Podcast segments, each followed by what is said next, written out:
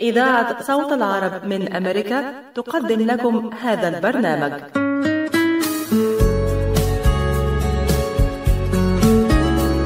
القهوة عالم يجمعنا بناس نشوفها نحبها ومن جوه قلوبنا تفوت. قلوبهم دايما شايلة حكاوي وذكريات. هنشاركها معاهم مع فنجان قهوة. أهلا بمستمعينا في كل مكان ولقاء يتجدد مع فنجان قهوة. معكم نتجول حول العالم ونأتيكم بفقرات ولقاءات نتمنى أن تضفي على يومكم بهجة وسعادة. هذا البرنامج يأتيكم برعاية مرحبا سعيد. أهلا علا. ليش هالمقابلة الفاترة هي بيقول المثل لاقيني ولا تغديني. يمه زعلتي. شنو رأيك إذا لقيتك وأيضا غديتك بأحسن مطاعم ميشيغان مطعم عشتار والله فكرة. أفضل الأطباق والمقبلات العربية والعراقية وأحلى ملقا ولا تنسين اللحوم الطازجة مباشرة من ملحمة عشتار لزباين عشتار. وملحمة عشتار توفر اختيارات متنوعة من كافة أنواع اللحوم وبأسعار متميزة وجودة أيضا مميزة. ملحمة عشتار تقع على 36865 Ryan Road في مدينة ستيرلينغ هايت وأكيد أحلى لمة وأطيب لقمة في مطعم عشتار اللي عنوانه 3625 15 Mile Road في مدينة ستيرلينغ هايت. هاتف 586-698-2585 586-698-2585 يلا علا. يلا عشتار للجودة وكرم الضيافة عنوان. مطعم عشتار. تحس إنه إيديك عم تنمل أو كتفك عم يجمد أو أصابعك عم تورم وما عم تقدر تشتغل فيهم مثل ما بتريد؟ مرحبا أنا الدكتور عبد المجيد قطرنجي. زورونا بموقعنا الإلكتروني www.katranjihandcenter.com لتتعرفوا على كيفية العلاجات لإصابات اليد والكتف والكوع. وإن شاء الله تقدروا تشاركونا بافتتاح مركزنا الجديد في تروي ميشيغان. ونتمنى لكم العفو والعافية. للمواعيد زورونا في عيادتنا الواقعة على 1565 في مدينة تروي البناء F أو اتصلوا بنا على الرقم 248-869-4263 That's 248-869-4263 قم للمعلم وفه التبجيلة كاد المعلم أن يكون رسولا. أعلمت أشرف أو أجل من الذي يبني وينشئ أنفسا وعقولا. يحتفل العالم أجمع باليوم العالمي للمعلمين سنويا في الخامس من شهر أكتوبر وبدأ هذا التقليد منذ عام 1994 لإحياء ذكرى توقيع توصية اليونسكو ومنظمة العمل الدولية لعام 1900 66 بشأن أوضاع المدرسين. تحتفل أكثر من 100 دولة حول العالم باليوم العالمي للمعلم تقديرا لجهوده ونزولا عند إيجابيات تلك المهنة الإنسانية التي تصنف كواحدة من أهم المهن على وجه الأرض. فالمعلمون هم بناة الأجيال وضمان الوصول إلى مستقبل آمن والمعلم هو المربي الثاني بعد الوالدين. وفي المقابل يمثل هذا اليوم مكانة وقيمة كبيرة عند جميع المعلمين فيشعرون بالتقدير والامتنان من طلابهم إليهم ويعرفون أن مجهودهم المبذول لم يضيع هباءً. بدأت تلك المناسبة تأخذ صداها الدولي منذ العام 1994 ويحتفل بها عدد واسع من الدول العربية ومنها مصر وسوريا والمملكة العربية السعودية والعراق وفلسطين الإمارات العربية المتحدة والكويت وغيرها. وتقوم منظمة الأمم المتحدة في هذا اليوم بالتعاون مع الإدارات التعليمية حول العالم بتنظيم عدد من الحملات العامة التي تهدف إلى تسليط الضوء على مهنة التعليم ومهام المعلم والدور الكبير الذي يقع على كاهله في تنمية الطالب وبناء المجتمع. وتركز أيضا تلك الحملات على مواضيع مختلفة في كل عام كتمكين المعلمين وهي حملة انطلقت عام 2017 وكانت تهدف إلى زيادة الرعاية للمعلم وسط مناشدات بحق الجميع في التعليم مما يفرض حق المعلم بأن يكون مؤهلاً.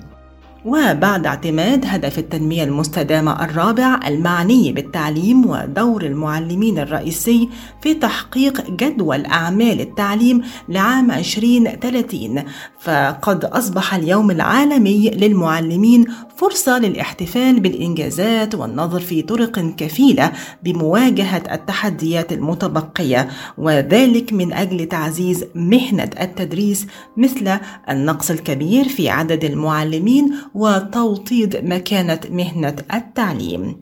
ووفقا لمعهد اليونسكو للإحصاء فإن العالم بحاجة إلى 69 مليون معلم. إذا ما أردنا تعميم التعليم الابتدائي والثانوي بحلول 2030 تختلف مظاهر الاحتفال باليوم العالمي للمعلم من دولة لأخرى وتتشابه هذه المظاهر في الدول العربية والتي بدورها تشبه الاحتفالات في دول مثل الفلبين وفيتنام حيث تقام الاحتفالات في المدارس بخطب وكلمات وقصائد.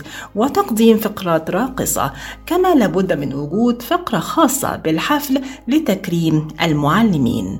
وأيضا في بعض البلدان مثل الصين يطلبون من الطلاب تقديم الزهور والهدايا إلى المعلمين.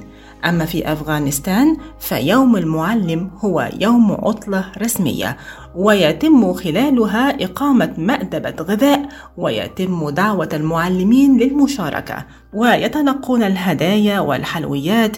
بينما في الولايات المتحدة الأمريكية يقدم الطلاب لمعلميهم هدايا رمزية. وفي استراليا يتم الاحتفال باليوم العالمي للمعلم في يوم الجمعة الأخير من شهر أكتوبر من كل عام بدلا من الخامس من أكتوبر وذلك بسبب العطلات المدرسية الأسترالية في هذا اليوم. وبالتالي يتم الاحتفال به في هذا العام في يوم الجمعة الموافق 30 أكتوبر. أما الهند فتحتفل بهذا اليوم في الخامس من شهر سبتمبر وفي الدول العربية وأغلبية دول العالم فتحتفل به اليوم في موعده المحدد. هذا البرنامج يأتيكم برعاية يأتي موسم الإنفلونزا هذا العام مع استمرارنا في التصدي لكوفيد 19 وبما أن لدى الإنفلونزا القدرة على إصابة الملايين وتعريض الأرواح ونظام الرعاية الصحية للخطر عليكم الآن وأكثر من أي وقت مضى تحصين أنفسكم ضد الإنفلونزا من خلال الحصول على اللقاح. ولقاح آمن وفعال ولن يصيبكم بالإنفلونزا. لتحموا أنفسكم ومن هم أكثر عرضة للخطر. احصلوا على لقاح الإنفلونزا. لمعلومات أكثر قوموا بزيارة موقع michigan.gov/flu رسالة من وزارة الصحة والخدمات الإنسانية في ميشيغان. مركز طب رهاب للعلاج الطبيعي بإدارة الدكتور محمد فرح حسين. أخصائي العلاج الطبيعي بخبرة أكثر من 13 عاما. طب رهاب يقدم خدمات العلاج الطبيعي وإعادة التأهيل ويضم مجموعة من أفضل أخصائي التشخيص الدقيق للحالات المرضية مع خبرة عالية في التعامل مع الحالات التي تحتاج إلى إعادة تأهيل وعناية خاصة بعد العمليات والكسور. طب رهاب يستقبل كل الحالات المتعلقة بألم الرقبة، الظهر، المفاصل، شلل الوجه، الانزلاق الغضروفي، عرق النساء، الحوادث وإصابات العمل. خبيرات في المعالجة النسائية لخصوصيات تامه للسيدات. عندما تبحثون عن رعاية متميزة اقصدوا توب ريهاب للعلاج الطبيعي الواقع على 15001 ميشيغان افنيو وللمواعيد اتصلوا على 313 846 0555 That's 846 0555 يردد البعض كثيرا مقولة إن شهر أكتوبر هو شهر العظماء. والسبب في ذلك يعود إلى أن عددا كبيرا من الأشخاص المهمين والمؤثرين في التاريخ ولدوا في هذا الشهر. منهم المخترع السويدي ألفريد نوبل وأسطورة كرة القدم البرازيلي بيليه ورجل الأعمال الأمريكي بيل جيتس وأيضا أمير الشعراء أحمد شوقي. وفي هذا التقرير نلقي الضوء على محطات من حياة رائد الشعر المسرحي الذي غادر الدنيا في ذكرى اليوم الذي أتى فيه إلى الحياة. أهلا بكم مستمعينا مستمعي صوت العرب من أمريكا. نتحدث اليوم عن شخصية من أعظم وأشهر مواليد شهر أكتوبر أحمد شوقي. أحمد شوقي علي أحمد شوقي بك. هو كاتب وشاعر مصري يعد من أعظم شعراء العربية في العصور الحديثة ويلقب بأمير الشعراء.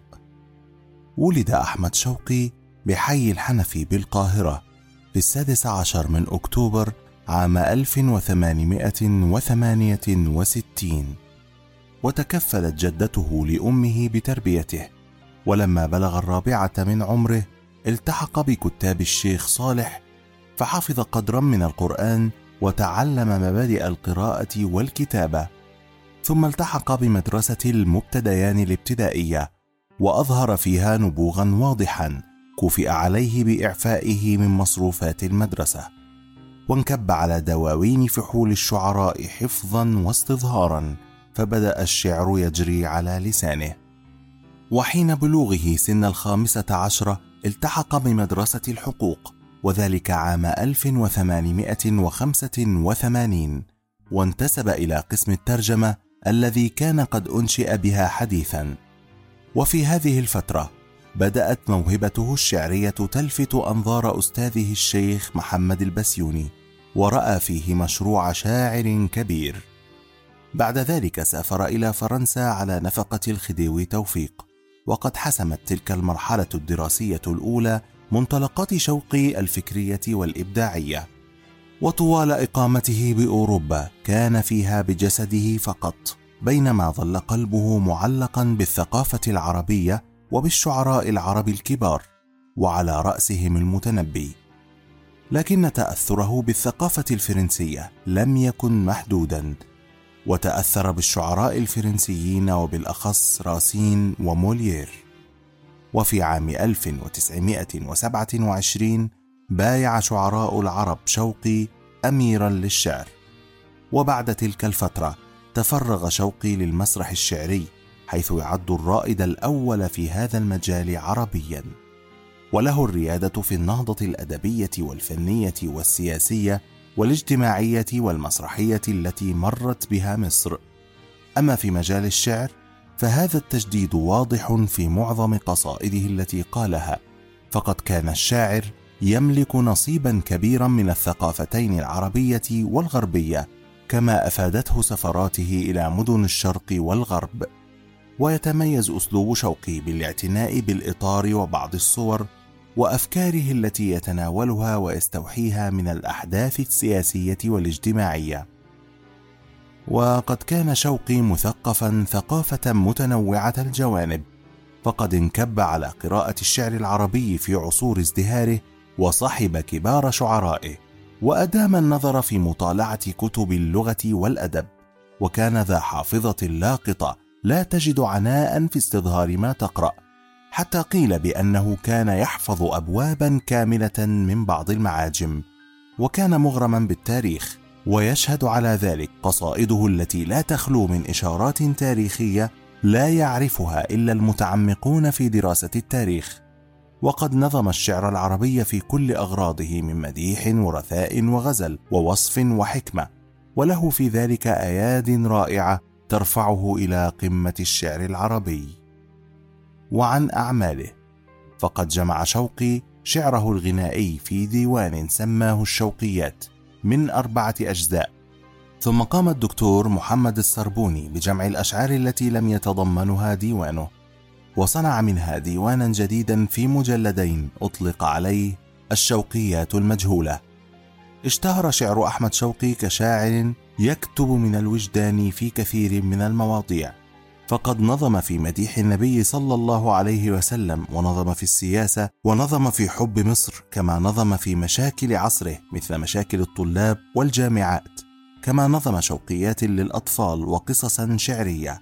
ونظم في المديح وفي التاريخ بمعنى أنه كان ينظم مما يجول في خاطره تارة الرثاء وتارة الغزل. وابتكر الشعر التمثيلي أو المسرحي في الأدب العربي ومن أشهر قصائده ما كتبه في مدح النبي محمد صلى الله عليه وسلم وهي قصيدة البردة التي تتكون من 190 بيتا وقصيدة ذكرى المولد وتتكون من 99 بيتا وقصيدة الهمزية النبوية والتي يقول في مطلعها ولد الهدى فالكائنات ضياء. وفم الزمان تبسم وثناء وهي قصيدة طويلة تحتوي على 131 بيتا شعريا وهو القائل أيضا قم للمعلم وفه التبجيلا كاد المعلم أن يكون رسولا أرأيت أعظم أو أجل من الذي يبني وينشئ أنفسا وعقولا؟ وعن مسرحياته الشعرية فقد كتب شوقي عدة مسرحيات منها مسرحية علي بيك الكبير ومسرحية أميرة الأندلس ومسرحية عنترة والست هدى والبخيلة وشريعة الغاب. أما الروايات فله روايات عديدة منها الفرعون الأخير وعذراء الهند والفجر الكاذب. وتوفي أمير الشعراء أحمد شوقي في الرابع عشر من أكتوبر عام 1932 وقد جاءت وفاة أمير الشعراء أحمد شوقي منهية لمسيرة حافلة من الأدب والإبداع وأثرت وفاته في الملايين من الناس الذين بكوه وانتحبوا على وفاته في مصر والبلاد العربية جميعها. كما خرجت في جنازته جموع غفيرة ورثاه العديد من الكتاب والشعراء وأقيمت له حفلات تأبين في مختلف أنحاء البلاد. كان معكم في هذا التقرير عبد الله قطب. هذا البرنامج يأتيكم برعاية لتحضري عشاء طيب وسفرة ملكية منقدم لك تشكيلة متنوعة وغنية مربيات كبيس وحمص بطحيني الجودة عالية والمنتجات صحية الشكل مثل الخيال والريحة شهية. لتطلع سفرتك لوحة فنية زياد لقمة هنية وطعمة أصلية. منتجات زياد من عائلتنا إلى عائلتكم. العطاء قصة رائعة. بدايتها إنسان يهتم ونهايتها إنسان يحتاج. مؤسسة الحياة للإغاثة والتنمية. ومنذ أكثر من 25 عاما تحمل عطاءك إلى من يستحقه ويحتاجه. بغض النظر عن الجنس أو العرق أو الدين فأينما تكون الحاجة تجد الحياة تقدم المساعدة الطبية والملاجئ وبناء المدارس والأوار الارتوازية وبرامج كفالة عوائل اللاجئين والأيتام وغيرها حسب الحاجة. للمساعدة في استمرار هذا الجهد الكبير امنح تبرعك المعفى من الضرائب اليوم إلى منظمة الحياة للإغاثة والتنمية. عبر الموقع www.lifeusa.org أو الاتصال على الرقم المجاني 1-800-827-3543 النهاردة هناخدكم في رحلة مع كتاب السر أو The Secret للكاتبة الأسترالية روندا بايرن. الكتاب تم إصداره سنة 2006 وصنف كأفضل كتاب للمساعدة الذاتية في ذلك العام. حقق الكتاب أرقام مبيعات هائلة. اتباع منه تقريبا 21 مليون نسخة حول العالم وتمت ترجمته إلى أكثر من 40 لغة وحققت الكاتبة من خلاله إيرادات كبيرة جدا. وكمان في نفس السنة تم تحويله إلى فيلم سينمائي وثائقي يحمل اسم السر الكبير واتباع منه 2 مليون نسخة. الكتاب أخذ صدى كبير وكأنه كان بيحضر الناس لحاجة كبيرة جدا حصلت بعد إصدار الكتاب بسنة تقريبا وأثرت على العالم كله وهي الأزمة المالية العالمية اللي بدأت سنة 2007 وتأزم الوضع في سبتمبر 2008 بعد ما هبطت مؤشرات البورصات العالمية هبوطا شديدا وده كان بسبب القروض العقارية. الأزمة دي كانت الأسوأ منذ الكساد الكبير وهزت الاقتصاد العالمي وتبدأ الأزمة بالولايات المتحدة وتمتد لتصل إلى دول العالم في أوروبا وآسيا ودول الخليج وتشمل كمان الدول الكبرى والدول النامية. وده دعم مبيعات الكتاب لأنه كان بيعالج المشاكل من جهتين. جهة كانت تتعلق بالطاقة والجهة الثانية تتعلق بالتنمية البشرية اللي هو إزاي نتغلب على المشاكل. تعالوا نسمع ملخص الكتاب مع الزميل صبري عبد الغني.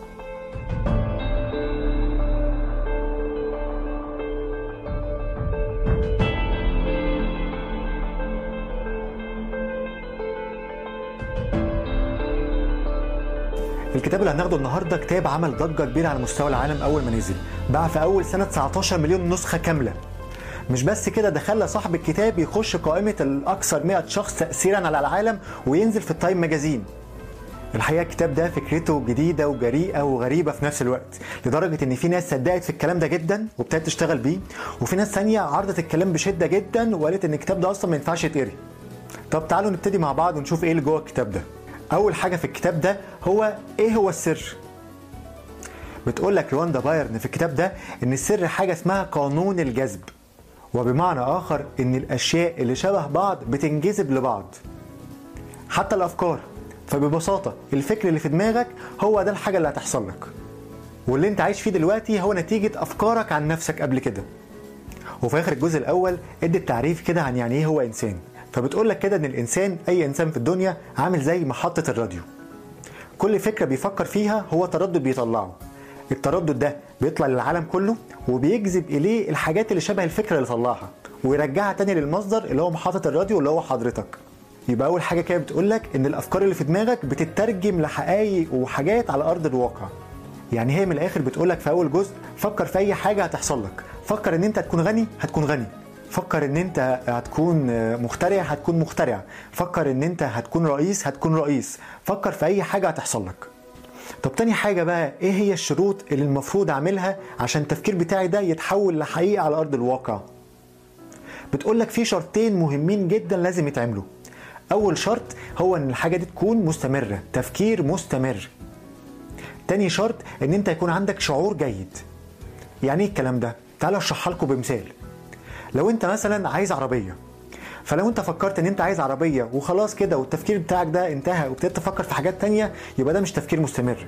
التفكير المستمر هو ان انت تصحى من النوم الصبح تقول آه أنا عايز عربية. تيجي تنام بالليل تقول آه أنا عايز عربية. كل ما تشوف عربية تقول آه أنا عايز العربية. ومش عايز أي عربية وخلاص لا أنت عارف عربية محددة أنت عايزها بلون محدد بكل حاجة.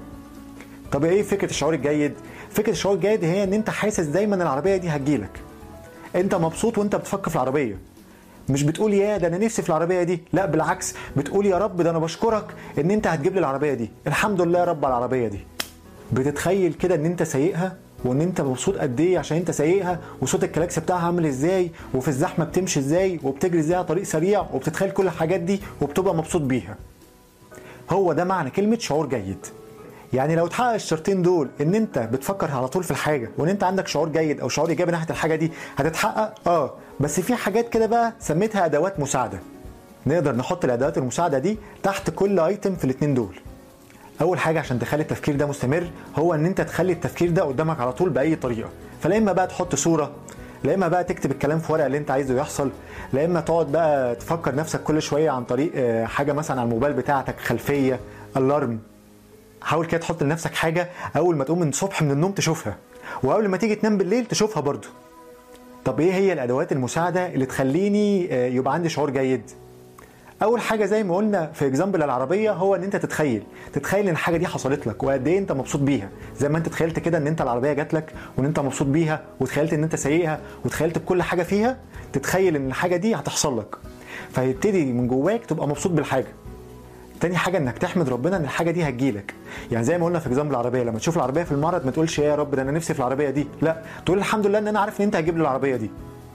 تالت حاجة تعملها عشان تخلق جواك شعور جيد ناحية الحاجة دي هو إن أنت أصلا تحط نفسك في mood انبساط.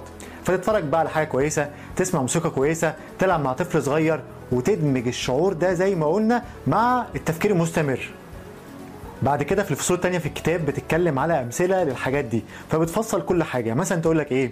لو أنت دلوقتي عايز يكون عندك فلوس فانت المفروض يكون عندك تفكير مستمر في الفلوس عن طريق مثلا انت تكتب في المحفظة بتاعتك ورقة كده آه 1000 جنيه وتقعد تتخيل دايما إن انت معاك الفلوس دي. عن طريق مثلا انت تتخيل مبلغ معين يكون قدامك مثلا بعد فترة معينة وتقعد تكتب الكلام ده قدامك أو على المكتب بتاعك. فانت كده عملت تفكير مستمر.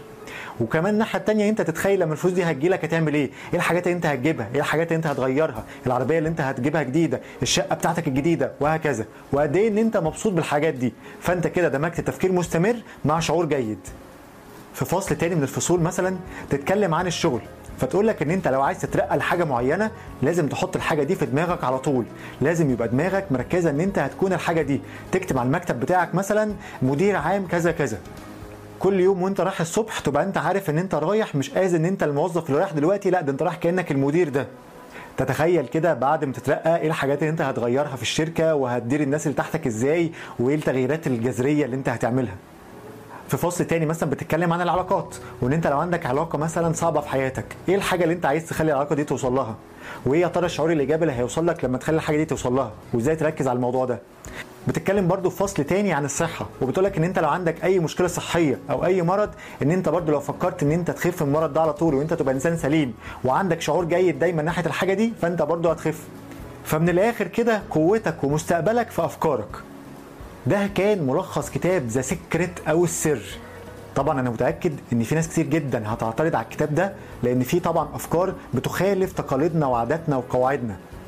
ولكن خليني أقول لكم من وجهة نظري إيه اللي كانت رواندا بايرن عايزة تعمله. رواندا بايرن كانت عايزة تعمل حاجة اسمها focus. كانت عايزة كل واحد يركز على جول معين في حياته يركز على هدف معين.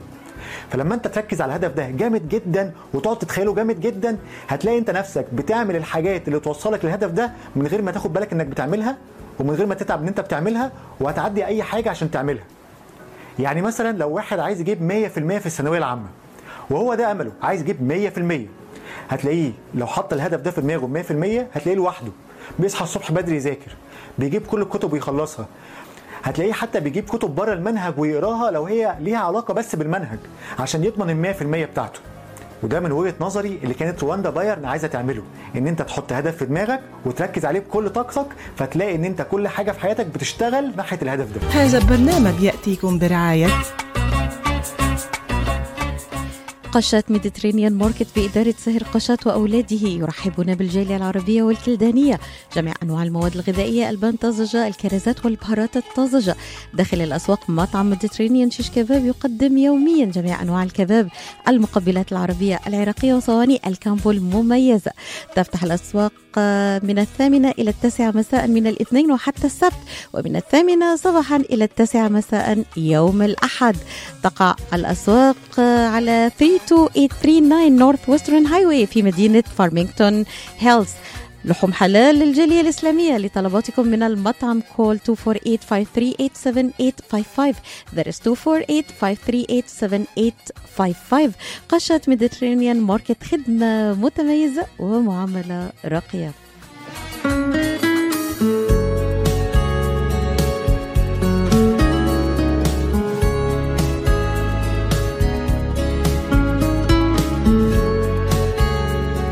تجديد الطاقة مع اختلاف فصول السنة وتنظيف طاقة المكان من وقت للتاني أو عند الانتقال لمكان جديد. التخلص من الكسل واستقبال حياتنا بنشاط كل ده هنعرفه مع دكتورة حنان زينال خبيرة العلاج بالطاقة والريكي.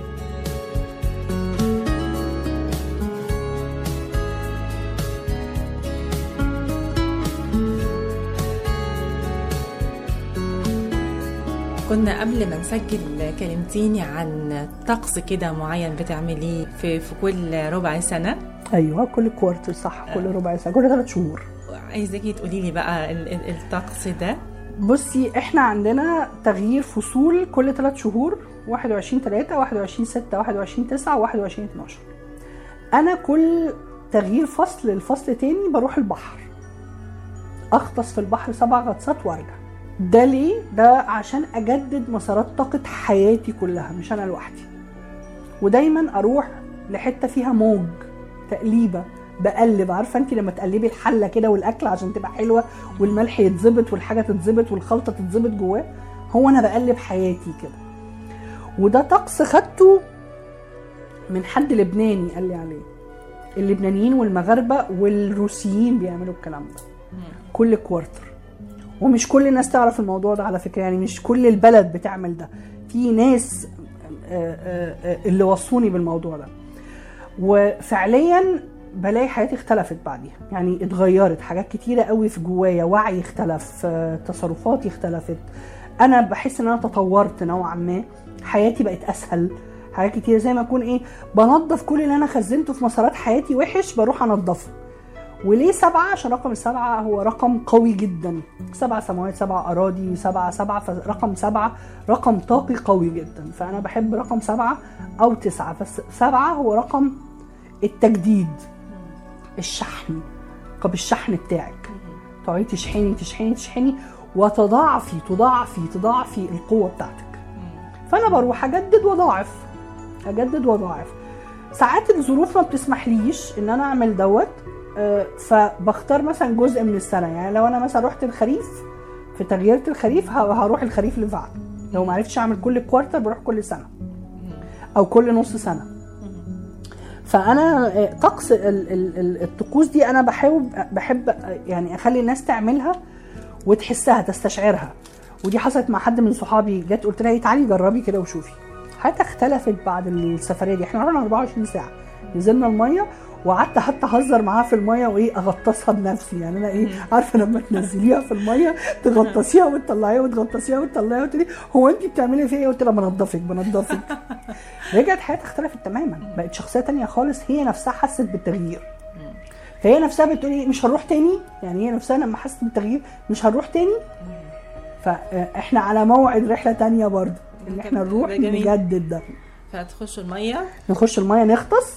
ننزل بكل جسمنا. كل جسمنا تحت المية ونطلع. من مكان تاني. آه يعني ون- مش لا. من نفس الطريق. لا لا لا. يعني لو أنا رحت مثلا هنقول عندنا في اسكندرية رحت من طريق في اسكندرية برجع من لو رحت طريق الصحراوي برجع الزراعي. أو بغير حتة منه. آه. أو حتى لو هروح بحتة أطول شوية وأرجع من الصحراوي برضه. فاهمة إزاي؟ أطلع على برج العرب وأرجع من برج العرب فاهمة؟ بس أغير حاجة في السكة. فاهمة إزاي؟ زي ال- ال- لما بيقول لك لما تروحي بيت عبادة صحيح. جامع أو كنيسة روحي من طريق وارجعي من طريق. ليه؟ عشان. تلمي إيه تلمي حسنات. إن انت رحتي برجليكي ورجعتي برجليكي فبتاخدي طريق أطول. أجدد طاقتي كل ربع سنة مم. من خلال إن أنا أروح آه، البحر إن أنا أجدد طاقتي من خلاله مم. طيب لو أنا هروح من مكان لمكان مم. يعني أنا هعزل من بيت لبيت مم. آه، سفر من من من بيت في في في مكان لسفر مكان تاني خالص مم. آه، أجدد طاقة المكان اللي أنا موجودة فيه إزاي لا ما هو قبل ما هروح لازم. أ... يعني قبل ما أفرش وأعمل وأسوي لازم أعرف هل البيت ده كان في حد ساكن قبله قبلية فيه ولا هو جديد أنا أول سكن طريقه التنظيف دي غير طريقه التنظيف دي. لو كان في ناس ساكنين مثلا قبل. لو في ناس ساكنين آه، آه، آه، التبخير نوع البخور والتنظيف هيبقى أطول لأن في ذبذبات فيه اوريدي فأنا بعمل تنظيف اولا بخ... بنظف البيت بمية وملح برش ال- الحيطان نفسها ببخها بمية وملح وبعد ما بعمل دوت بستنى ثلاث أيام وأنضف تاني وأبخ ال- الأركان مع القراءات القرآن أو الآيات ال- ال- المغفرة أو الحمايات آه، في أركان البيت مع آه، آه، مية الورد. وبعديها بثلاث أيام تانيين أمسح برضو بمية وملح وأبخر باللبان عدني أو بمريمية أو صندل. خلاص؟ وأقفل البيت أسبوع وارجع انضفه وافرش. شوف أنا عملت كام مرحلة؟ يعني ثلاثة في ثلاثة في ثلاثة في سبعة في- وبعد كده افرش. يعني إحنا بنتكلم في وقت يعني آه يعني آه، لازم بتتكلمي في وقت قبليها مثلا إيه 15 يوم أو أو أو أو 21 يوم. لكن؟ آه، ما ينفعش اخد حاجتي اقعد في البيت على طول. لا لأن ذبذبات الناس اللي فيها هتلاقيها مأثرة على ذبذبتك انت على طول. آجي بقى بيت جديد. لسه أنا في أول فرش ليه. ليا. كل اللي هيحصل إن أنا هنضفه بميه وملح وأرش وأقفله أسبوع وأرجع إيه؟ أنضفه وأفرش. فهو الفرق أسبوع؟ هل وجود حيوان أليف في البيت ده شيء كويس؟ على حسب نوع زي إيه مثلا؟ يعني القطط أنا أحلى من الكلاب بالنسبة لي. الكلب بره بيتك مش جوه بيتك. وكل الحيوانات بره سريرك. ايا كانت. ايا كانت بره سريرك. ليهم مكان يناموا فيه لوحدهم. يعني ده نوع من أنواع النظافة يعني ولا لا لا نوع من أنواع الطاقة. الطاقة عشان طاقة أي حيوان هتبقى موجودة عندك. وخدي بالك القطط ممكن تعمل حساسية. الكلاب ممكن تعمل ريحة. فاهمة؟ في ال- في المكان. ليهم ريحتهم بتاعتهم. مش عدم نظافة. بس آه، وخاصة في أمريكا كل الناس متعلقة بالحيوانات وبيناموا في سريرهم. أنا مش ضد تربية الحيوانات بالعكس أنا بحب الحيوانات جدا وبعالجهم. لكن أنا ضد إن هم يبقى جوه حقل طاقتي. لأنه في الآخر أنا هاخد منه وخدي بالك الكلاب انت بتتعلقي بيها لدرجة إنك بتستغني عن الدنيا كلها بيه. فبتنعزلي. لأن طاقته اخاده بتاخدك من الكون. عنده طاقة جذب. آه وحب مفرط وبيغير عليكي وبيجري عليكي فبالتالي ممكن تستغني بيه عن أي حد. فطاقته بت- بتاخدك من من العالم بتاعك. القطط طاقتها بتلم طاقتك السلبية. تاخدها منك وخلاص وتمشي. وهي بتنظف نفسها بنفسها بتعرف تعمل ده. السلحفة بتدي طاقة طاقة آه، زي ما بيقولوا صحة وعمر لأنها طويله العمر وحامية نفسها بنفسها؟ وتعرفك على فكرة. السلاحف في ناس كتير قوي ما تعرفش إنها بتميز صاحبها وتكلمه ولما الجوع تيجي تخبط بدماغها كده بجسمها ال- الناشف ده على الباب تقول لك أنا جعانة أكليني. خلاص؟ وده لاحظته مع مامتي. أنا لا ادخل لها أكل ولا بتعبرني ولا تعرفني أصلا اللي هو إيه عارفة إيه شيء ما م... عارفة مبهم بالنسبة لها. ماما تخش أو ماما تتأخر عليها تخبط عليها. وتيجي لما تلاقيها يوم كام يوم غابت عنها أو كانت تعبانة وراقدة تروح جاية لها. كنت فين؟ وتقعد تحاورها وماما تقعد تكلمها تقول لها إيه معلش غصب عني كنت عيانة حقك عليا ما تزعليش. كده. لأن يعني الواحد بيحس إن السلحفة دي آه ملهاش أي دور في الحياة. يعني لا بالعكس على الشمال مش موجوده بالعكس بقى مش عايزة أقول لك وبتتحاور وبتتكلم وبتيجي و... و... وعارفة وبتجري وتلعبي وتحط لها كورة تقعد تجري وت... واللي هو إيه هو انت كنت بتخدعينا في حتة إن انت بطيئة؟ لا. يعني. صحيح. لا لا. بصي آه، كائن لطيف جدا في البيت. و... وحطيه في أي حتة. يعني. حطيه في صندوق حطيه في أي حتة كده هو بياخد ركنه. حطيه في البلكونة. لما حطيه في جنينة. براحته خالص. وبيقعد يعني السلحفة نفسها تلاقيها خدت ركنها وقعدت فيه. في نقطة كنا اتكلمنا فيها بس ما كملناش اللي هي موضوع الكسل والخمول. إزاي أنا أتغلب بطاقتي على الكسل والخمول؟ بغض النظر بقى اللي هو آه، بسبب الحر أو بسبب إن في رطوبة عالية. لكن في أوقات الإنسان بيحس إن هو عنده فعلا كسل وخمول ومش قادر إنه آه، يعمل أي نشاط من الأنشطة. بصي أنا زي ما قلت لك قبل كده حاجتين يحيوا البني آدم. تنفس ومية. فأنا كسلانة هتنفس وأشرب مية. أقوم. وأحد حاجة أنا بحبها بقى تقومني التخبيط على جسمي. زي ما أقول إيه بدي إشارة للمخ يخليه الدم يجي في الحتت دي أكسجين يجي في الحتت دي. عشان كده بعد المساج لو خدتي بالك بعد ما بيعملوا مساج يروحوا مخبطين على الجسم. صحيح. ليه؟ لأن أنا خلاص أنا أنا أنا حركت ال- ال lactic acid اللي موجود جوه العضلة هات لي أكسجين ومية نضف لي الحتة دي. هات لي بقى إيه دم في الحتة دي نضفها لي. فتلاقيه بعد المساج هو relax بس فايق. اللي ما بيعملش التخبيط دوت هتلاقي الشخص قايم تعبان ومكسر. فأنا حالة كسل أخبط على جسمي على طول. أدي إشارة للمخ يبعت لي أكسجين ودم في المناطق دي. فالدورة الدموية تبتدي تتحرك. وابتدي أتحرك أغير وضعي على طول. قاعدة هقوم اتمشى يعني حضرتك ممكن ت... ت... تنومي حد مغناطيسي؟ أنا أنا اتعلمت انوم نفسي يعني اتعلمت آه. اعمل ده لنفسي. زي بعمل ده لنفسي في حاجات كتيرة جدا وبعدل شوية حاجات. أنا بشتغل على نفسي كل سنة في حتة معينة. آه وكل مدى ب... ب... بعلي وعي إن أنا أنظف حاجات. فاهمة؟ آه. وآخر حاجة عملتها دلوقتي إن أنا من أول شهر سبعة وأنا بشتغل على ال- الفاشة اللي أنا بقولك عليها على الميموري بتاعت خلاياي اكتشفت إن أنا شايلة كمية حاجات في أعضاء جسمي في الكبد والبنكرياس والطحال والقولون والكلى آه، والمرارة والحاجات دي كلها وأنا معرفش يعني أنا فاكره إن أنا عديت الموقف لقيت كمية grief وحزن أنا شايلاه جوايا ومش بتاعي لوحدي بتاعي ومع الناس اللي عالجتها وأنا كنت فاكره إن أنا نضفته وأنا اكتشفت إن أنا ما نضفتوش فحصل إن أنا ابتديت انضفه ب- ب- ب technique acupressure كده بتدوسي على الأعضاء دي بتطلعي اللي فيه مع الريكي. وتنفس و meditation. آه، جالي انهيار من 3 4 أيام فاتوا عياط وصويت وحاجات اللي هو هو أنا كل ده كان جوايا وأنا مش واخدة بالي؟ وأنا ما كنتش عارفة. يعني أنا ك- ده كده وأنا مدربة. هل كان في أعراض بتحسي بيها أو يعني كنت الأول مثلا ألاقي نفسي مورمة وأنا مش مورمة ليه؟ وأعمل كل حاجة في الدنيا ممكن تشيل الورم ده ما يروحش. اكتشفت إنها مشاعر مخزنة وأنا مش واخدة بالي. ألاقي مثلا آه، آه، ظهري قفش فجأة بدون أي حاجة لا عملت حركة غلط ولا أي حاجة بدون أي حاجة وأنا قاعدة قمت ما ما اتحركتش. وأعمل التكنيكات اللي عارفاها كلها. اكتشفت إن هي متخزنة في الفاشة بتاعتي في ذاكرة ال- الخلايا وأنا مش عارفة. فطبعا آه، لما ركزت بقى في نفسي لا قعدت بقى إيه ما ورايش حاجة غير حنان. يعني أنا حنان دلوقتي هي شغلي الشاغل.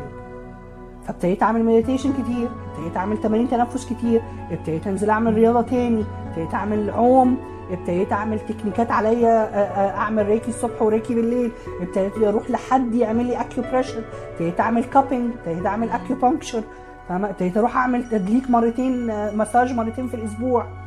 كل الكلام ده أنا كنت حارمة نفسي منه مشغولة في الدنيا وعجلة الدنيا واخداني والحياة. فلما ابتديت لا اركز ابتديت اعمل هوايات بحبها. ابتديت أروح أتعلم حاجات أنا نفسي فيها. فابتديت عايشة الحنان بس. لا الموضوع فرق كتير. لدرجة إن أنا خسيت خمسة كيلو في في 10 أيام وأنا ما عملتش أي مجهود ولا غيرت أكلي ولا غيرت أي حاجة. لقيت جسمي بيرفض حاجات ياكلها وبيطلب حاجات تانية ياكلها. لقيت لا بعمل صيام متقطع لوحدي. لا أنا مش عايزة آكل أنا مش جعانة. بصحى من النوم عايزة أشرب مية. فاهمة؟ فكل ما بتنضفي كل ما جسمك بيروح للمناسب ليه لوحده من غير ما تجبريه في system أنا anti dieting أنا ما بحبش ال diet ولا بحب النظام الصحي اللي بيقولوا عليه دوت ولا بحب أحط نفسي في نظام. أنا بحب أسمع جسمي يقول لي إيه فأنا بجري وراه. فلما وعي بقى يزيد بقيت أسمع جسمي صح. يقول لي بس. فخلاص اللقمة دي مش هحطها. طب كملي طبقك. لا ما هو مش عايز. يعني إيه مش عايز هو مش عايز خلاص هو قال لي بس. فبسيت. فلقيت نفسي جسم شكل جسمي بيتغير. وأنا ما بعملش المجهود ده. ليه؟ لأن أنا ابتديت أشيل الحاجات اللي في الفاشة الذاكرة دي اللي كانت عاملة ال- الوحش عاملة الشكل ده. مخلية الجسم يعمل دفاع عن نفسه يحمي نفسه بدهون معينة بشكل معين. بوجع معين بحاجات تانية اللي هو بيديكي انذارات وانت مش واخدة بالك ومش فاهمة لأنك ما عندكيش الوعي ده ليه ما عندكيش الوعي ده؟ لأنك مش بتسمعي مش مركزة معاه مش مركزة مع نفسك مركزة في أحداث كتيرة بره. فلما ابتديت أركز معايا لأ سمعتني. بقى حاله الصمت عندي أعلى من حالة الكلام. وبالتالي ابتديت أسمع جسمي بيقول لي إيه نفسي بتقول لي إيه روحي عايزة توديني لفين. فحياتي بقت أهدى. فاهمه اللي جوه اكتشفت حاجات عن نفسي أنا مش واخدة بالي منها خالص. وأنا يا عيني كنت شايلة ده كله وساكتة. وللدرجة دي أنا كنت حزنانة وأنا مش واخدة بالي. للدرجة دي الموقف ده كان مأثر فيا وأنا مش واخدة بالي. يعني أنا مش واخدة بالي إنه كان مأثر فيا التأثير ده.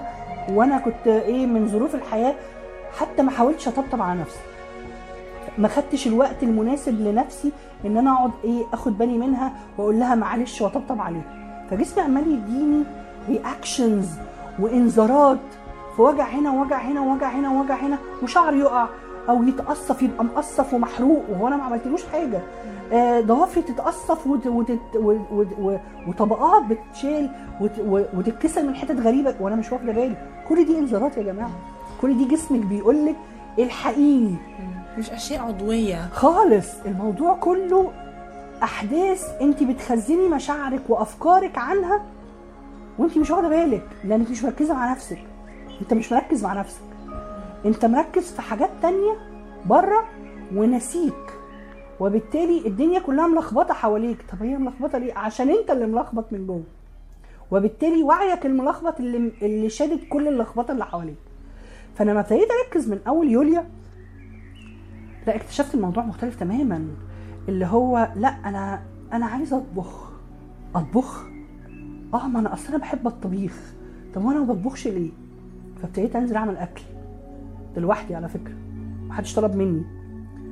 وإيه؟ وأعمل الأكل وأغسل المواعين في ساعتها وأنا مستمتعة ومشغلة مزيكا وعمالة أرقص ومبسوطة و... ومندمجة و... وعمالة انضف وأروق هنا وأشيل مش عارفة إيه وأشيل دواليبي وأعمل.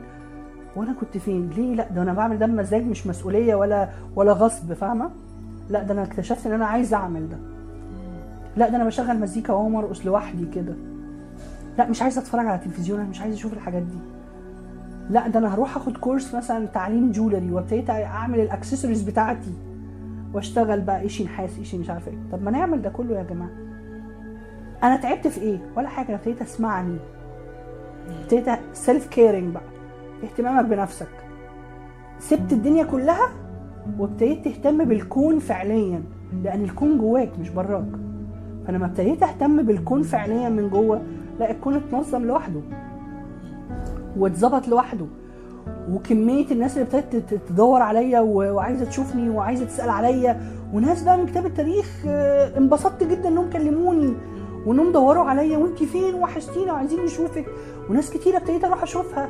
وناس. مناسبات كتيرة ابتديت أد... يعني الناس تدعيني عليها عشان ابتديت أشوفني.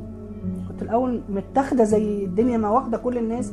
أنا متاخدة في شغلي ومتاخدة إن أنا أغير الناس. مع إني اكتشفت إن أنا لما أغير نفسي أنا كل الناس اللي حواليا بتتغير لوحدها. وبقت عملية تغيير اللي حواليا أسهل. لأن الناس شايفاني بنور فهم بالتالي عايزين يبقوا زيي فبيسألوا فبيعملوا زيك. فالموضوع بقى مختلف تماما وأسهل بكتير من الأول.